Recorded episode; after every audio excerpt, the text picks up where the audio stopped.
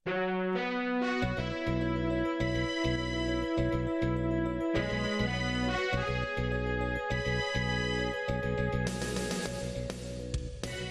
is Radio Free Asia. The following program is in Burmese. ။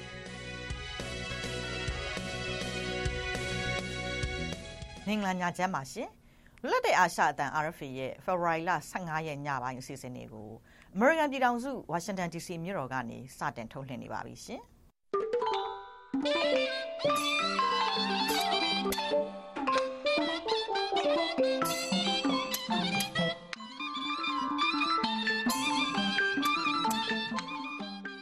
ကျမခတ်မှာပါဒီညအစီအစဉ်မှာနောက်ဆုံးရသတင်းတွေနဲ့အတူစစ်မှုထမ်းဥပဒေကြောင့်လူငယ်တွေပြည်ပထွက်ခွာမှုပိုများလာတဲ့အကြောင်းနဲ့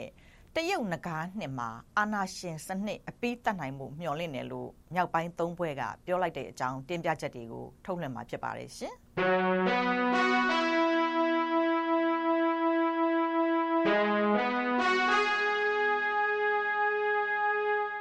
အခုတော့နောက်ဆုံးရသတင်းတွေကိုတင်ပြပေးပါမယ်။မြန်မာဘင်္ဂလားဒေ့ရှ်နယ်စပ်မောင်တော်မြို့အနီးကနေရာလေးခုမှာရခိုင်တပ်တော် AA နဲ့စစ်ကောင်စီတပ်တို့ ဖေဖော်ဝါရီလ15ရက်ဒီနေ့မနေ့6နာရီကစပြီးတော့တိုက်ပွဲတွေပြင်းပြင်းထန်ထန်ဖြစ်ပွားနေတယ်လို့ဒေသခံတွေကပြောပါတယ်။မောင်တော်မြို့အနီးလေးပိုင်ဘော်ဒီကုန်းကိုင်းကြီးနဲ့မောရဝတီကျေးရွာတွေအနီးမှာရှိတဲ့စစ်ကောင်စီတပ်စခန်းတွေကိုရခိုင်တပ်တော် AA ကထိုးစစ်ဆင်တိုက်ခိုက်နေတာလို့မောင်တော်ဒေသခံတဦးက RFA ကိုပြောပါတယ်။မောင်တော်မြို့အဝင်မြို့တကြီးရောက်ကမှရှိတဲ့စစ်ကောင်စီနေကြားဆောင်ရဲတက်ရင်နခခ9ကလက်နက်ကြီးတွေနဲ့ပြစ်ကူပေးနေတယ်လို့ မြန်မာဘင်္ဂလားဒေ့ရှ်နှစ်နိုင်ငံရေပိုင်နဲ့အနီးနတ်မြေအတွင်းမှာနေရာယူထားတဲ့စစ်ရေရင်ဘော်ကလည်းတိုက်ပွဲဖြစ်ပွားတဲ့နေရာတွေကိုပြစ်ကူပေးနေတယ်လို့ဆိုပါတယ်ဒီနေ့နေ့လယ်ပိုင်းမှာတော့စစ်ကောင်စီတပ်ကတိုက်ခိုက်ရေးရဟတ်ရင်ဂျက်တိုက်လေယာဉ်တွေနဲ့လာရောက်ပစ်ခတ်နေတယ်လို့ဆက်သွယ်ရေးဖုန်းလိုင်းတွေပါပြတ်တောက်ပြီးတော့ဈေးဆိုင်တွေပါပိတ်ထားရတယ်လို့လည်းဒေသခံတွေကပြောပါတယ်ရှင်။မကွေးတိုင်းဂန့်ကောမြို့နယ်မြောက်ခင်ရန်ရွာမှာအထိုင်ချထားတဲ့စစ်ကောင်စီတပ်နဲ့ပြူစောထီပူပေါင်းအဖွဲ့တွေက အနီးပတ်ဝန်းကျင်ရွာတွေကိုဖေဖော်ဝါရီလ14ရက်နေ့ကစစ်ကြောင်းထိုးတဲ့အချိန်မှာလူဆယ်ဦးတပ်ဖြတ်ခံခဲ့ရပြီးတော့နေအိမ်တချို့လည်းမီးရှို့ခံခဲ့ရတယ်လို့ဂန့်ကောနယ်ပြည်သူ့အုပ်ချုပ်ရေးအဖွဲ့ဒေသခံတွေကပြောပါတယ်အင်အား200ခန့်ပါတဲ့စစ်ကြောင်းဟာဖေဖော်ဝါရီလ14ရက်မနေ့6နာရီမှာတင်တော်ရွာကအရက်သား9ဦးကိုဖမ်းဆီးပြီးတော့တင်တော်ရွာတောင်ဘက်ဖျားကုန်းနေရာမှာအစုလိုက်အပြုံလိုက်တပ်ဖြတ်ခဲ့တာပါမနက်9နာရီခွဲမှာတော့ တင်တော်ရွာနဲ့ကလျက်ရွှေဘိုရွာကိုဝင်ရောက်စီးနင်းပြီးနောက်ထပ်အရက်သား2ဦးကိုထပ်မံဖမ်းဆီးတပ်ဖြတ်ခဲ့တယ်လို့ကန်တိုးရွာကအရက်သား2ဦးကတော့စစ်ကြောင်းကပြစ်ခတ်တဲ့ကြည်ထိမှန်တေဆုံးခဲ့တယ်လို့ဆိုပါတယ်။စစ်ကြောင်းဝင်လာစဉ်ထွက်မပြေးနိုင်မဲနဲ့ပိတ်မိနေတဲ့ပြည်သူတွေဖမ်းဆီးတပ်ဖြတ်ခံရတာလို့ဂန့်ငေါမြို့နယ်ပြည်သူ့အုပ်ချုပ်ရေးအဖွဲ့ဝင်တူက RFA ကိုပြောပါတယ်။တင်တော်ရွာကအမျိုးသမီးတချို့ကိုလည်းစစ်ကောင်စီတပ်နဲ့ပြူစောထီပူပေါင်းဘွဲတွေက မြောက်ခင်ရန်ရွာကိုဖမ်းဆီးခေါ်ဆောင်သွားပြီးတော့အရေးအတွက်အတိအကျကိုတော့မသိရသေးဘူးလို့ရွာသားတွေကပြောပါတယ်ရှင်။စကိုင်းတိုင်းရွှေဘိုမြို့အနောက်ဘက်၃မိုင်ခန့်ဝေးတဲ့ချိပါရွာကိုစစ်ကောင်စီတပ်ကဖေဖော်ဝါရီလ14ရက်နေ့ကစလို့စစ်ကြောင်းထိုးနေတာကြောင့်အနီးအနားရွာပေါင်း10ရွာကျော်ကအရက်သား2000နီးပါးဘေးလွတ်ရာကိုထွက်ပြေးတင်းရှောင်နေရတယ်လို့ဒေသခံတွေက RFA ကိုပြောပါတယ်။ဖေဖော်ဝါရီလ14ရက်မနက်9နာရီလောက်မှာ အင်အား130ကျော်ပါတဲ့စစ်ကောင်စီတပ်နဲ့ပြူစောထီပူပေါင်းအဖွဲ့တွေက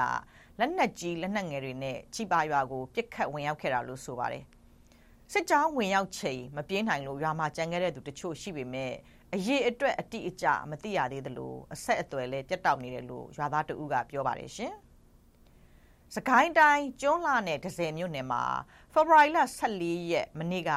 စစ်ကောင်စီတပ်ရဲ့လေကြောင်းတိုက်ခိုက်မှုကြောင့် အရက်သားတဦးတေဆုံးပြီးတော့နောက်ထပ်9ဦးဒဏ်ရာရခဲ့တယ်လို့ဒေသခံတွေကပြောပါတယ်။ကျွန်းလာမြို့နယ်မော်တုံရွာအနီးကိုတစ်ကြိမ်ဝေတော်ရွာနဲ့ပေပင်ချောင်ရွာကြားကိုတစ်ကြိမ်စုစုပေါင်း2ကြိမ်လေကြောင်းတိုက်ခိုက်မှုလုပ်ခဲ့လို့အမျိုးသမီးတဦးတိတ်ဆုံးပြီးတော့နောက်ထပ်အမျိုးသား3ဦးဒဏ်ရာရခဲ့တာပါ။ဒဇယ်မြို့နယ်ထဲမှာတော့ပြည်ထောင်စုလမ်းမကြီးမုံရွာကလေးလမ်းပိုင်း36မိုင်အနီးကို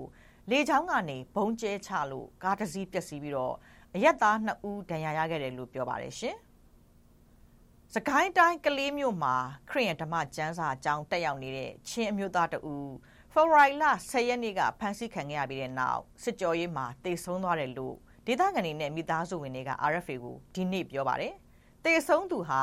အသက်25နှစ်အရွယ် Sly Steven ကျင်လန်ခိုင်ဖြစ်ပြီးကလေးမျိုးမှာကျန်းစာကျောင်းတက်ရောက်နေသူဖြစ်ပါတယ်။ပြီးခဲ့တဲ့ February လ12ရက်နေ့က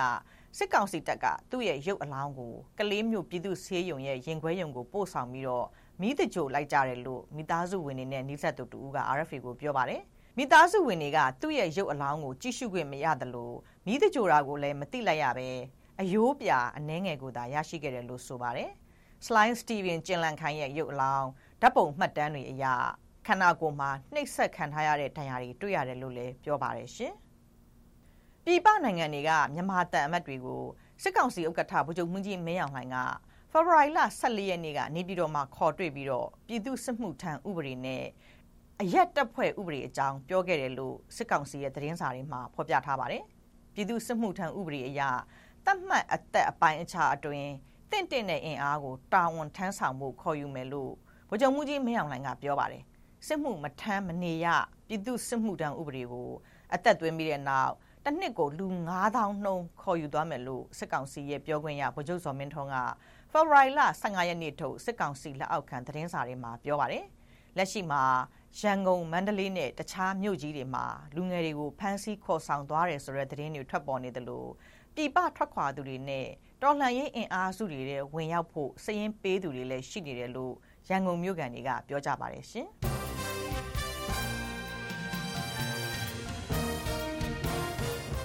သတင်းတွေကိုနားဆင်ကြရတာပါအခုဆက်လက်ပြီးတော့သတင်းဆောင်မတွေကိုထုတ်လွှင့်ပေးပါမယ်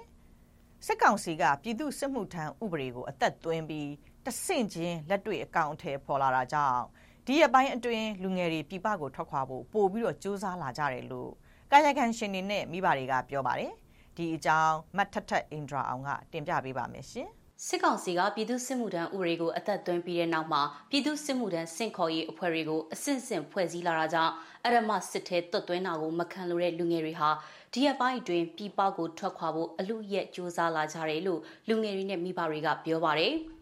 မြန်မာနိုင်ငံနဲ့အနီးကပ်ဆုံးထိုင်းနိုင်ငံကိုထွက်ခွာနိုင်ဖို့ပိုကြိုးစားနေကြပြီးတော့ဒီအပိုင်းရန်ကုန်မြို့ကထိုင်းတန်ယုံရှိမှာပြည်ဝင်ခွင့်ဗီဇာလျှောက်ထားသူအများအပြားတွေ့နေရတယ်လို့လုံခြုံရေးအရာအမည်မဖော်လို့တဲ့ရန်ကုန်မြို့ကန်တအူက RFA ကိုဒီကနေ့မနက်ပိုင်းကပြောပါတယ်မနေ့ကမနေ့9နာရီခွဲလောက်ကတော့အဲထိုင်းတန်ယုံမှာလူရောက်လူငယ်တွေပေါ့အဓိကတော့လူငယ်ရောင်90လောက်တန်းစီနေတော့တွေ့တယ်ဒီဒီရဲ့ပိုင်းမှာပုံများလာတော့ပြီးတော့အဲ့လိုမျိုး ကားပေါ်မှာ လူငယ်တွေပါပါလာရင်အဲ့လိုသူတို့ချင်း ပြောနေတာကြတော့ဖုန်းကြီးပဲ ဝဲရမလို့လို့ သိရမလားဟိုနိုင်ကြသွားဖို့တော့မနောက်လာတော့ကြာမချင်းနေတော့ဘူးပါနေတဲ့အတန်ကြာတော့တော့တိုင်ပတ်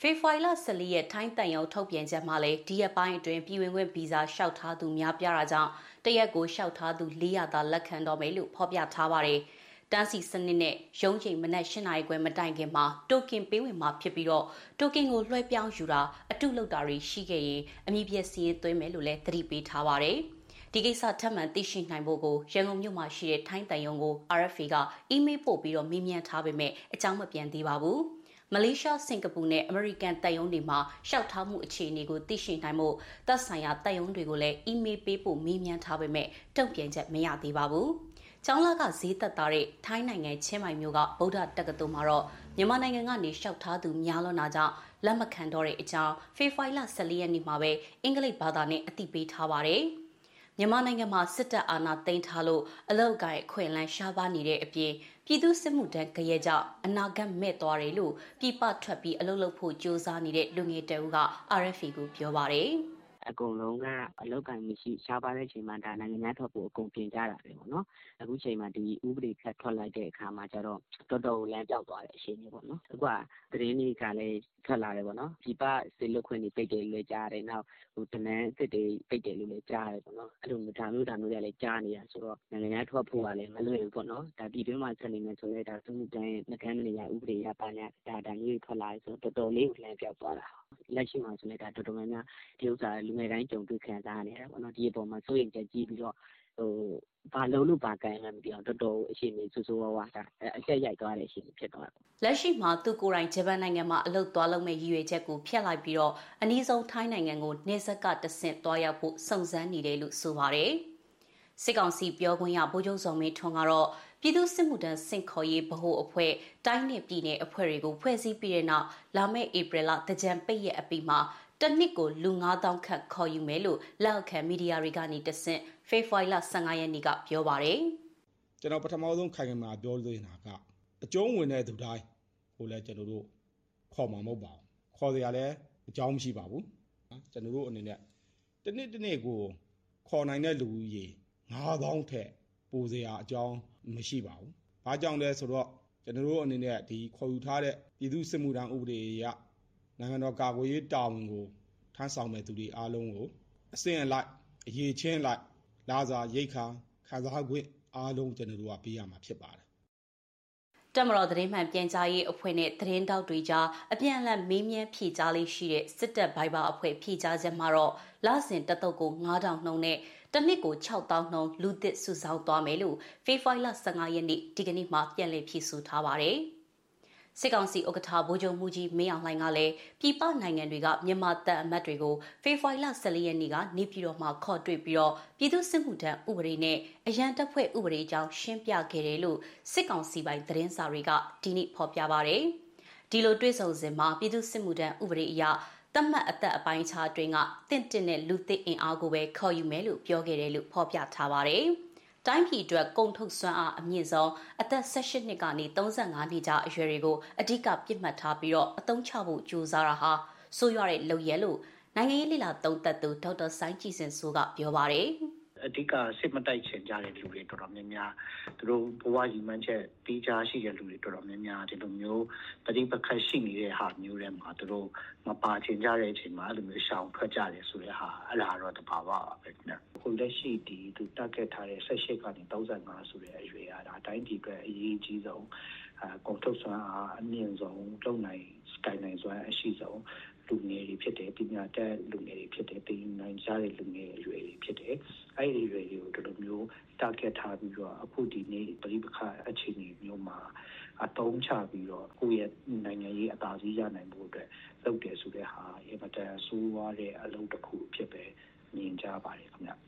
အာနာသိန်းကာလာတခြားလုံးစစ်တပ်ကပြည်သူတွေကိုဖမ်းဆီးနှိပ်စက်နေတဲ့အပြင်ဒီလိုအရမစစ်သားစုဆောင်တဲ့ဥပဒေမျိုးပြဋ္ဌာန်းလိုက်တာဟာစစ်ဘက်အရက်ဘက်ရင်ကြားစီကိုအဟန့်အတားဖြစ်စေပြီးတော့နာကြီးစရာတွေပဲပိုများလာလိမ့်မယ်လို့လည်းဒေါက်တာဆိုင်းကြည်စင်ဆိုကပြောပါတယ်။ American ဗဟိုထောက်လှမ်းရေးဌာန CIA ရဲ့ပြီးခဲ့တဲ့နှစ်ခန့်မှန်းချက်အရမြန်မာစစ်တပ်မှာစစ်အင်အားတသိန်းခွဲကနေ၄သိန်းအထိရှိနိုင်တယ်လို့မိုင်ယာမီဟာရဲသတင်းဌာနကဖော်ပြပါတယ်။ အဲ့ဒီထဲကအင်အား2100ခန့်ကိုအာနာသိန်းနောက်ဆက်တွဲလက်နက်ကင်ပြိပခါအတွင်းတည်ဆုံမှုဒဏ်ရာရမှုဖမ်းဆီးခံရမှုနဲ့ဗတ်ပြောင်းမှုတွေကြောင့်ဆုံးရှုံးခဲ့တယ်လို့ Washington ခြေဆိုင် American ငြိမ်းချမ်းရေး Institute USIP ရဲ့ခံမှန်းချက်ကိုလည်းကိုးကားဖော်ပြထားပါတယ်ရှင်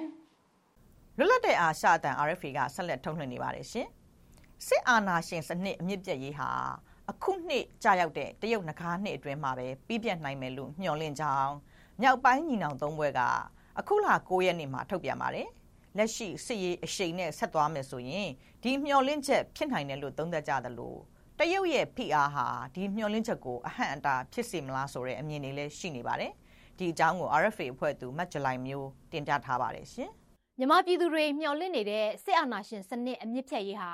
အခုနှစ်မှာကြာရောက်တဲ့တရုတ်နဂါးနှစ်အတွင်းမှာပဲပြီးပြတ်နိုင်မယ်လို့မျှော်လင့်ထားတဲ့အကြောင်းမြောက်ပိုင်းညီနောင်သုံးဘွဲကအခုလ9ရက်နေ့မှာထုတ်ပြန်ပါတယ်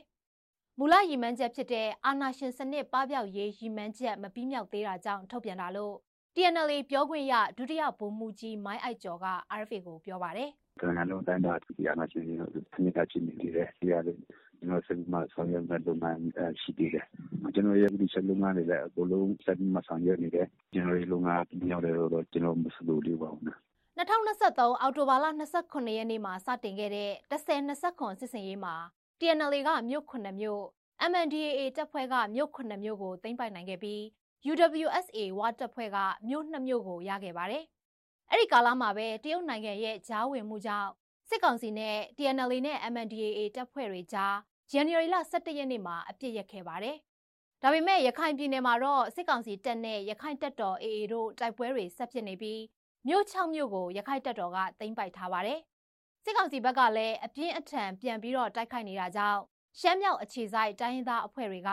အေအေကိုကူညီဖို့စစ်မျက်နာတွေထပ်ဖွင့်လာတာမျိုးဖြစ်နိုင်တယ်လို့မြမနိုင်ငံရေးလေးလာသူဦးတန်းစိုးနိုင်ကသုံးသပ်ပါတယ်။သူတို့ရဲ့စီးလှုပ်ရှားမှုစတော့မယ်လို့ယူဆပါတယ်။အခုကရခိုင်ကိုဒီကနေပြီးတော့လုံနေတဲ့အနေအထားကမြောက်ပိုင်းကအကူအညီလိုလိမ့်မယ်ထင်ပါတယ်။ဒီရဲ့အကြက်တဲ့ဟိုသူတို့မြောက်ပိုင်းကလည်းလှုပ်ရှားမှုတွေနဲ့ အားပြုပေးလိမ့်မယ်လို့ကျွန်တော်ထင်ပါတယ်ခင်။တရုတ်နှစ်သက်ကူနောက်ပိုင်းဒေသတွင်းမှာတိုက်ပွဲတွေပြန်ဖြစ်နိုင်တယ်ဆိုပြီးရှမ်းပြည်နယ်မြောက်ပိုင်းကဒေသခံတွေကြားမှာလည်းသုံးသပ်နေကြပါတယ်။ဆရာနာရှင်စနစ်တိုက်ဖြတ်ရေးမှာမြောက်ပိုင်းသုံးဘွဲ့ရဲ့အခန်းကဏ္ဍကအရေးပါတယ်ဆိုပေမဲ့တစ်ဖက်မှာလည်းတရုတ်နိုင်ငံရဲ့ဖိအားကြောင့်အဟန့်အတားတွေဖြစ်နိုင်မလားဆိုတဲ့သုံးသပ်မှုတွေလည်းရှိနေပါတယ်။စစ်တပ်အရာရှိဟောင်းတယောက်ကတော့စစ်ကောင်စီပြုတ်ကျတဲ့အထိတော့တရုတ်ကလက်ခံမှာမဟုတ်ဘူးလို့သုံးသပ်ပါတယ်။ တရုတ်ကဂျာထဲမှာသူကဝင်ပြီးတော့လေပြေးအေးလေးနဲ့သူကအဲ့ဒါကိုလည်းသူက export လုပ်ချင်နေတာဟိုနော်အဲ့ဒါလုပ်ပြီးတော့သူကနေပြည်တော်ကစပြီးရန်ကုန်အထိအကုန်လုံးကအဲ့လိုတစ်ဖက်ကရုပ်ဖြစ်သွားအောင်သူမလုပ်မြန်မာနိုင်ငံအဲ့လိုထိမ့်နေသေးမြာဖြစ်လို့ရှိရင်ပထမဆုံးအကျိုးစီးပွားပစ္စည်းမှာသူ့ပဲအဲ့တော့သူတို့တိုက်ခိုင်းမဲ့ဖျောက်ပေးမဲ့အရာကန့်သက်စစ်ပွဲပုံစံပဲရှိမှာလက်ရှိဒီခါလာနတ်ဆက်ကဆိုပြုတ်ကြအောင်လည်းသူမလုပ်ဘူးတရုတ်အရေးကျွမ်းကျင်သူဒေါက်တာလှကျော်စောကတော့တရုတ်နိုင်ငံအနေနဲ့နယ်စပ်မှာသာတားလို့ရနိုင်မယ်လို့ရှုမြင်ပါတယ်။ တရုတ်ဖိအားကလည်း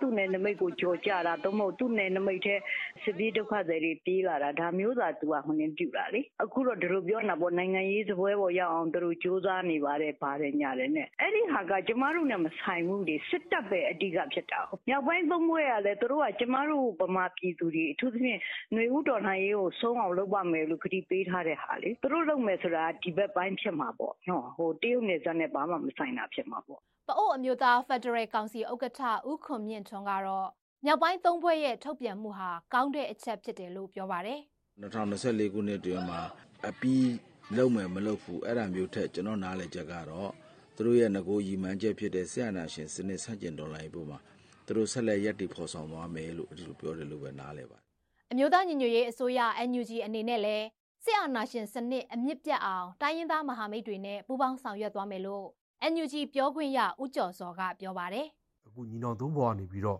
ငကားနှစ်လူနာနယူးရီယံပါစစ်အာဏာရှင်စနစ်မြန်မာနိုင်ငံမှာအမြင့်ပြုတ်ဖို့အတွက်လှုပ်သွားမယ်ဆိုတော့တန်တိတန်ချပြောကြွားသွားတာဟာလေသမဏကြီးပြောကြားတဲ့မိကုံမှာပါတဲ့တဲ့ consistent ဖြစ်နေတာဆိုတာလေသတိထားမိမယ်လို့ထင်မြင်မိပါတယ်။ဇန်နဝါရီလ30ရက်နေ့ကကျွန်တော် NUG နဲ့ဒီမဟာမိတ်တွေတော်လှန်ရေးအင်အားစုတွေရဲ့ဘုံသဘောတူညီချက် ကြေညာချက်မှာလည်းနှစ်သစ်ကတော်လှန်ရေးအရှင်ဝန်မြစ်ပြီးတော့အဖက်ဖက်ကကြရှုံးနေတဲ့စစ်အာဏာရှင်စနစ်ကိုအမြင့်ဖြုတ်ဖို့အတွက်အရှင်ဝန်မြစ်ပြီးတော့အားလုံးသူလှုံ့ဆော်သွားမယ်နှစ်ဖြစ်တယ်ဆိုတာပြောကြားချက်ပါတယ်တဆယ်နှစ်ဆက်ခွန်စစ်စင်ရေးဟာစစ်တပ်အာဏာသိမ်းပြီးတဲ့နောက်ပိုင်းစစ်ကောင်စီအတွက်အထိနာခဲ့တဲ့စစ်စင်ရေးဖြစ်ခဲ့ပြီးစစ်ကောင်စီဘက်ကစစ်တပ်စခန်းတွေနဲ့မြို့တွေကိုအများဆုံးဆွန့်လွတ်ခဲ့ရတာပါဒီစစ်စင်ရေးအတွင်းရှမ်းမြောက်ဒေသကမြို့နယ်16မြို့နယ်အပါအဝင် တနိုင်ငံလုံးမှာစစ်ကောင်စီတပ်ကလက်လွတ်ခဲ့ရတဲ့မြို့နယ်ပေါင်း40ကျော်အထိရှိခဲ့ပါတယ်ရှင်။လွတ်လပ်တဲ့အာရှအတန် RFA ရဲ့အစီအစဉ်တွေကိုဆက်လက်ကြည့်ရှုနားဆင်နေရတာပါ။စစ်တပ်ကအာဏာသိမ်းထားတဲ့၃နှစ်အတွင်းနိုင်ငံတကာရဲ့ပိတ်ဆို့အရေးယူမှုတွေမလုံလောက်သေးသလိုဟန်ချက်ညီရှိဖို့လိုအပ်နေတယ်လို့ဒီမိုကရေစီရေးတက်ကြွလှုပ်ရှားသူတွေနဲ့လေ့လာသူတွေကပြောပါတယ်။ဒီအကြောင်းကို RFA ဝိုင်းတော်သူမတ်ဝေမာထွန်းတင်ပြပါလိမ့်မယ်ရှင်။ ပြီးခဲ့တဲ့၃နှစ်အတွင်းစစ်ကောင်စီနဲ့ပတ်သက်တဲ့လူပုဂ္ဂိုလ်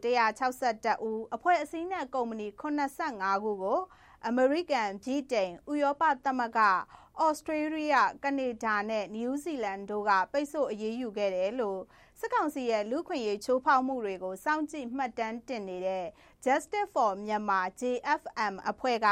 ဖေဖော်ဝါရီလ9ရက်နေ့မှာထုတ်ပြန်ပါတယ်။ဒါပေမဲ့မလုံလောက်သေးဘူးလို့လည်း JFM ကထောက်ပြပါတယ်။ လူခွင့်ရေးချိုးဖောက်မှုတွေကိုစောင့်ကြည့်နေတဲ့သွေးစွန်းငွေဖြတ်တောက်ရေးအဖွဲ့ကကိုမိုက်ကတော့စစ်ကောင်စီအပေါ်နိုင်ငံတကာရဲ့အရေးယူတာတွေမထိရောက်သေးတဲ့အဓိကအချက်ကနိုင်ငံတွေကြားမှာဟန်ချက်မညီသေးတဲ့အတွက်ကြောင့်လို့သုံးသပ်ပါတယ်ဒီ MFTB တို့ MICB တို့ပေါ့နော်မြန်မာနိုင်ငံခြားကုန်သွယ်ရေးဘဏ်တို့မြန်မာရင်းနှီးမြှုပ်နှံမှုဘဏ်တို့အဲ့ဒါတွေပိတ်ဆို့တဲ့အခါမှာ American ပိတ်တယ် EU ကမပိတ်ဘူး EU က MOGU ကိုပိတ်တယ် American ကတစ်စိတ်တစ်ပိုင်းပဲဒီဘဏ္ဍာရေး ဆိုင်ရာဝန်ဆောင်မှုလောက်ပဲပိတ်တယ်ပေါ့နော်အဲ့လိုမျိုးတွေဖြစ်နေတာကကျွန်တော်တို့ကပြဿနာရှိရလို့ထင်တယ်ပိတ်ဆို့တန်ခတ်ထားတဲ့ကုမ္ပဏီတွေနဲ့ဆက်ဆက်နေတဲ့ကွန်ရက်တစ်ခုလုံးကိုပါအရေးယူဖို့နဲ့စစ်လက်နက်ပစ္စည်းနဲ့လေရင်စီကိုပါပိတ်နိုင်ဖို့လည်းအရေးကြီးတယ်လို့ဆိုပါတယ်နိုင်ငံတကာအပြင်လုံခြုံရေးကောင်စီကလည်းအရေးယူဖို့လိုတယ်လို့အမျိုးသားညီညွတ်ရေးအစိုးရ NUG ရဲ့တမရာယုံပြောခွင့်ရဦးကျော်စောကပြောပါတယ်လေရင်စီပိတ်ဆို့တာ စစ်တပ်နဲ့ပစ္စည်းတွေအကြမ်းဖက်စစ်တပ်စီမရောက်အောင်ပိတ်ဆို့တာအကြမ်းဖက်စစ်တပ်စစ်ကောင်စီကိုနိုင်ငံခြားငွေစီးဆင်းမှုလုံးဝရပ်တန့်သွားအောင်ပိတ်ဆို့အရေးယူတာတွေနိုင်ငံတကာပုံမ coordinated ပေါ့နော်ပူးတွဲပြီးလုပ်တဲ့အထူးသဖြင့်ကုလသမဂ္ဂလုံခြုံရေးကောင်စီက binding resolution ချမှတ်တဲ့နယ်လုံခြုံရေးကောင်စီရဲ့2022ခုနှစ်နှစ်ကုန်ပိုင်းမှာချမှတ်ခဲ့တဲ့မြမအရေးဆုံးဖြတ်ချက်မှာစစ်ကောင်စီအနေနဲ့အကြမ်းဖက်တိုက်ခိုက်တာတွေရပ်ဖို့ ဒေါအောင်ဆန်းစုကြည်အပါအဝင် နိုင်ငံရေးအကျဉ်းသားအားလုံးကိုလွှတ်ဖို့လူသားချင်းစာနာမှုအကူအညီတွေလွတ်လွတ်လပ်လပ်ပေးခွင့်ပြုဖို့ဆိုတဲ့အချက်တွေပါဝင်ပါတယ်။ဒါပေမဲ့စစ်ကောင်စီကမလိုက်နာပဲအကြမ်းဖက်မှုတွေကိုဆက်ကျူးလွန်နေတယ်လို့မြမအရေးလှုပ်ရှားသူတွေက ထောက်ပြကြပါတယ်။နိုင်ငံရေးလေးလာသုံးသက်သူဦးတန်းစိုးနိုင်ကလည်းနိုင်ငံတကာကအရေးယူတာတွေမလုံလောက်သေးဘူးလို့သုံးသပ်ပါတယ်။ရေးယူမှုတွေလုပ်ပါတယ်မလုံလောက်ပါဘူး။ မလုံလောက်ဘူးဆိုတဲ့အကြောင်းကဒီငွေကြီးကြီးပြည့်စုံမှုဟိုဒေါ်လာနဲ့ပတ်သက်တဲ့ပြည့်စုံကန်တမှုတွေကတော့ထိရောက်ပါ။ဒါပေမဲ့ဒီစစ်ကောင်စီရဲ့ဒီငွေကြီးဆိုင်ရာကိစ္စတွေနဲ့ပတ်သက်တဲ့အပိုင်းမှာနိုင်ငံတကာရဲ့အပံ့ပိုးမှုမလုံလောက်ပါ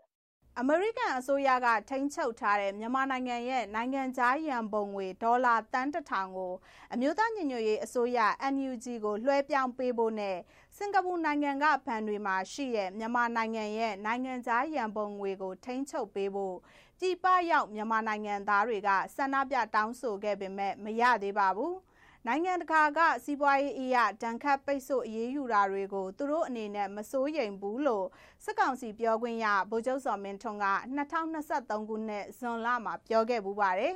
။လက်ရှိအချိန်မှာရောဘလို့သဘောထားရှိလဲဆိုတာသိရဖို့တယ်လီဖုန်းနဲ့ထပ်ပြီးတော့ဆက်သွယ်ခဲ့ပေမဲ့ဖုန်းမကင်ပါဘူး။လုံခြုံရေးအမိမဖော်လို့တဲ့စစ်တပ်အရာရှိဟောင်းတယောက်ကတော့အရေးယူပိတ်ဆို့တာတွေဟာအာဏာပိုင်တွေကို မထိခိုက်ဘူးလို့ရှုမြင်ပါတယ်။ တကယ်တကယ်အဲ့ပိတ်ဆို့မှုလုပ်လို့ ဒုက္ခရောက်သွားတဲ့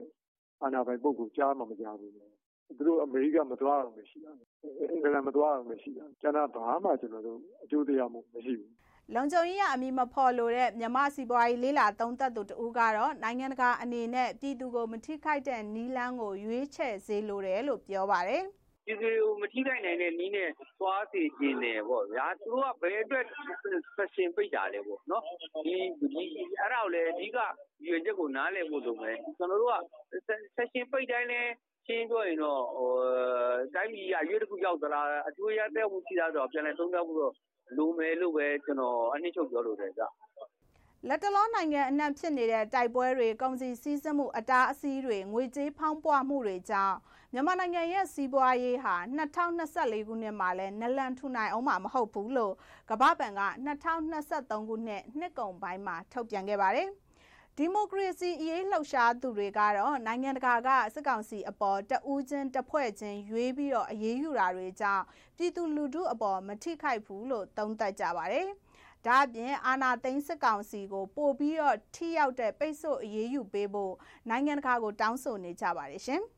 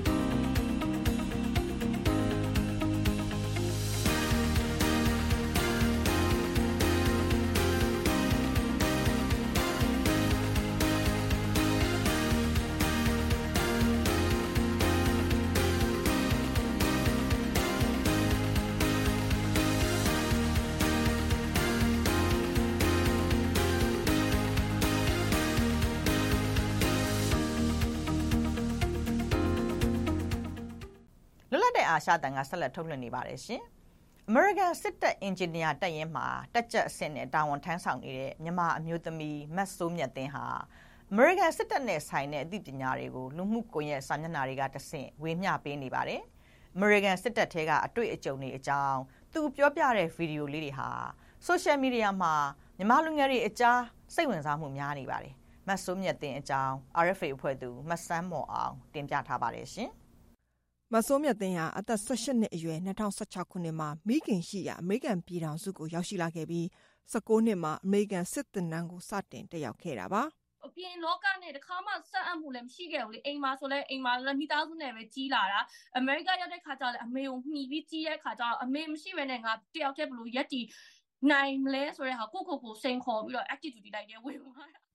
အမျိုးသမီးတယောက်အနေနဲ့သူ့ခန္ဓာကိုယ်အရွယ်စားနဲ့မမျှတတဲ့စစ်လေးကျင်ရေးတွေကိုစိတ်တဲ့ကြက်ကြက်ခိုင်ဖြတ်တန်းခဲ့ရတယ်လို့ဆိုပါတယ်။မိခင်ကအားပေးခဲ့ပေမဲ့ပတ်ဝန်းကျင်ကမဖြစ်နိုင်ဘူးဆိုတဲ့အမြင်တွေကြားတဲ့ဒီလမ်းကြောင်းကိုမတွေ့ဖဲပဲဆက်လက်ရှောက်လန်းမှုဆုံးဖြတ်ခဲ့တာပါ။စဝင်ငံနီးမှာတော်တော်များများကပြောဆိုသမီးဖြစ်နိုင်ရဲ့လားတေးသေးလေးနဲ့ဖြစ်နိုင်ရဲ့လားပေါ့နော်အမေတငယ်ချင်းတွေကလည်းပြောတယ်အဲဖြစ်နိုင်ရဲ့လားကျိုးပြီးတော့ချိုးနေတော့မှခန္ဓာကိုယ်အကြီးနေတာမှကျိုးပြီးပြန်လာတာပေါ့ဆိုအဲ့ရောက်သွားအချိန်မှာအဲ့ ဒီသူတို့ရဲ့ပျော်အားတွေကကိုယ့်အတွက်ကိုပို့ပြီးတော့ဖိအားတစ်ခုဖြစ်စေတာပေါ့နော်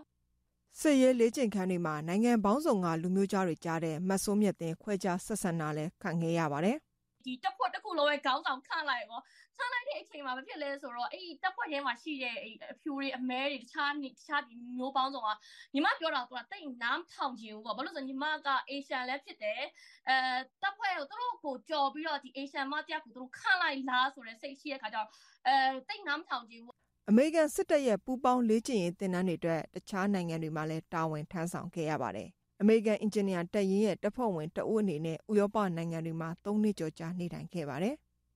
သူ့စစ်မြေပြင်အတွေ့အကြုံနဲ့စစ်တပ်မှာရှိရမယ့်အခြေခံအကြောင်းအရာတွေကိုလူမှုကွန်ရက်မှာမျှဝေတဲ့အခါမြန်မာလူငယ်တွေအများပြားစိတ်ဝင်စားလာကြတယ်လို့ဆိုပါတယ်။ဒါကလည်းစစ်တပ်အာဏာသိမ်းထားတဲ့မြန်မာနိုင်ငံအတွက်စစ်တပ်တရက်မှာရှိတဲ့ဖွဲ့စည်းပုံတွေအကြောင်းကိုအများသိအောင်ဝေမျှပေးနေတာလို့ဆိုပါတယ်။ ကဒီလိုပုံစံမျိုးရှိကိုရှိတဲ့နယ်စစ်သားတယောက်ကိုဝင်လာတဲ့စစ်သားတယောက်ကိုဘယ်နိုင်ငံကပဲဖြစ်ဘယ်လူမျိုးကပဲဖြစ်ဘယ်အဖွဲ့အစည်းဘယ်ဘာသာကိုကနေဒီလိုပုံစံမျိုးလူလူချင်းကိုဆက်ဆံရတယ်ဆိုတာကိုသိစေခြင်းလို့ကိုလုံးတော့ပြတာပေါ့နော်စစ်တပ်မှာစစ်သားတွေကိုဒီလိုမျိုးဖိနှိပ်ခြင်းလည်းမရှိဘူးညီမတို့အခုချီကတင်တက်ခဲ့တဲ့အချိန်မှာအဲတင်နန်းစရာတွေကအော်တာအော်တာဘေးနားမှာနားနားကြီးအောင်သူကကြီးကအော်လို့အော်တယ်ဒါပေမဲ့ညီမတို့ဖိလာတော့တစ်ချက်လေးမှညီမတို့မထိခဲ့ဘူး ရိုက်တာလည်းမရှိခဲ့ဘူးပုတ်တာလည်းမရှိခဲ့ဘူးအဲ့လိုမျိုးပါဇက်ကနေစော်ကားပြောတာတွေဘာလဲတစ်ခုမှမရှိခဲ့ဘူးအဲအဲ့ဒါကြောင့်ကိုကအဲ့ဒါတွေကိုသူတို့သိစေချင်တာပေါ့နော်အမေရိကန်စစ်တပ်နဲ့သက်ဆိုင်တဲ့အကြောင်းအရာတွေဒါမှကမြန်မာစာနဲ့ပတ်သက်တဲ့အရာတွေကိုလည်းမျှဝေလေးရှိသူပါပြည်ပနိုင်ငံတွေကိုရောက်နေတဲ့မြန်မာလူမျိုးတွေအနေနဲ့ဘလို့အခြေအနေမှာပဲဖြစ်ဖြစ်မြန်မာစာကိုမမေ့သင့်ဘူးလို့လည်းမဆိုးမြတ်တင်ကပြောပါတယ်မြန်မာစာပေကတကယ်တကယ်တမ်းဒီအမေရိကမှာအရင်ရှားပါတယ်ပေါ့နော်ဟိုအဓိကအမေရိကန်စစ်တပ်ထဲမှာဆိုလို့ရှိရင်ညီမတို့ ရဲ့ဒီစာပေက A list ထဲမှာကိုပါလာတာပါလာတယ်ဆိုတာညီမကလည်းဒီဒီမှာစဝင်ရင်တော့မသိဘူးညီမစာပေလို့ပါနေမှမသိတော့ညီမစာမွေးတော့ဖြည့်တဲ့အချိန်မှာဒီဘာသာရေးနဲ့ပတ်သက်ပြီးစာမွေးတော့ဖြည့်တဲ့အချိန်မှာမှ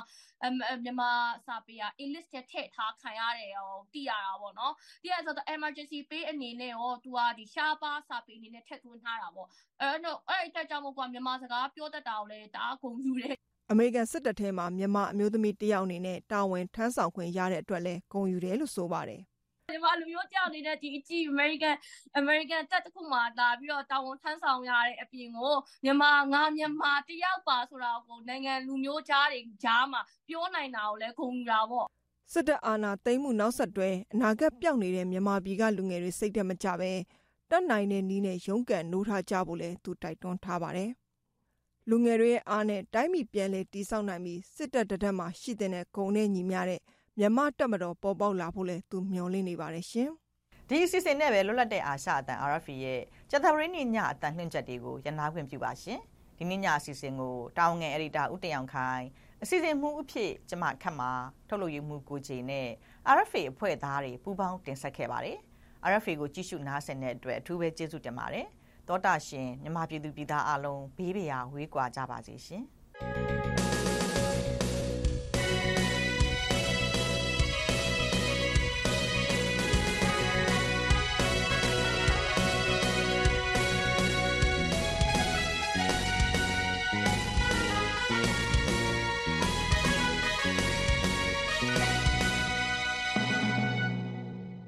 have been listening to Radio Free Asia.